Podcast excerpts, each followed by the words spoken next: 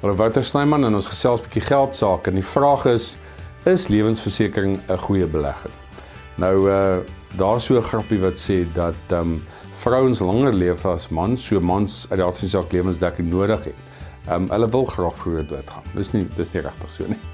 Maar as jy 'n somme gaan doen en en jy vind uit hoe lewensversekering eintlik werk, is dit doodgewoon dat jy 'n maandelikse premie betaal sodat jy jouself jou risiko kan dek sou jy vandag dood, ongeskiktheid of ernstige siekte oorkom. Ehm um, dit beteken die versekeraar betaal 'n lompsom bedrag uit. Nou as jy daai somme gaan maak, ek is 52 jaar oud, so as ek lewensverdekking vandag 'n miljoen rand se dekking sou uit moes uitneem op my lewe, gaan dit om en by 500 rand kos. Nou as ek daai bedrag gaan indeel in mekaar, gaan ek omtrent 166 jaar moet leef voordat ek meer sou inbetaal as wat ek kon uitkry. Nou afhangende van jou ouderdom en uit daardie saak is 'n dame, ehm um, is jou dekking goedkoper, dit hoort net so. Ehm um, ons mans is meer riskant dink ek. So in daai konteks as jy dink wat is 'n belegging regtig? 'n Belegging is eintlik ietsie waar jy 'n opbrengs op jou geld verdien. So kom ons sê jy het 2 of 3 jaar se premies inbetaal en dis 12 of 18000 rand as dit daai 500 rand voorbeeld sou wees en jy kry 'n miljoen rand wat uitbetaal aan jou geliefdes ehm um, dan is dit uit die aard van sake baie baie goeie belegging.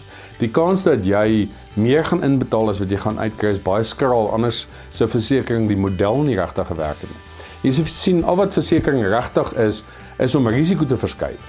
So heidaglik dra ek en my gesin, my vrou dra 100% risiko sou ek te sterwe kom dat hulle finansiëel moet omsien.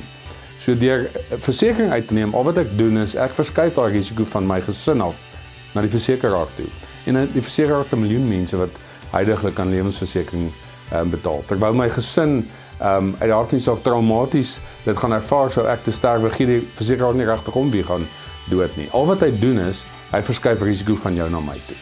En uh, ek onthou iemand sê eendag vir my, maar ek glo nie in versekerings nie. Ek het gesê dit is wonderlik.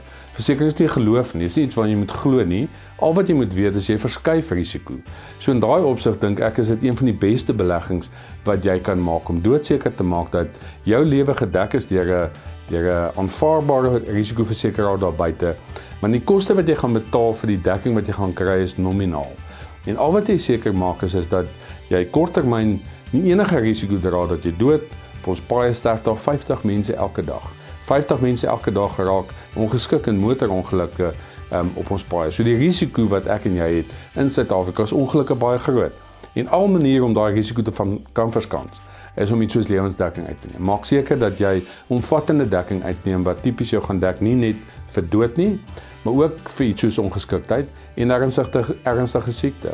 Ons weet dat goed soos kanker en 'n klomp ander siekte toestande deesdae al hoe meer voorkom. As jy maar net dink aan die mense om jou, hoeveel mense het al kanker gehad of hartaanvalle of ek dit van goed.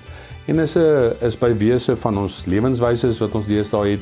So dit is 'n risiko wat gedek moet word en en ek dink aan die einde van die dag sou jy jou familie wil blootstel daaraan om dit nie te doen nie. Ek dink nie is nie moet te werk nie.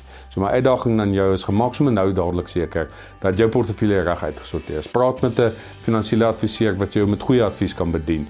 Maak seker jou lewensversekeringsportefeulje is in plek.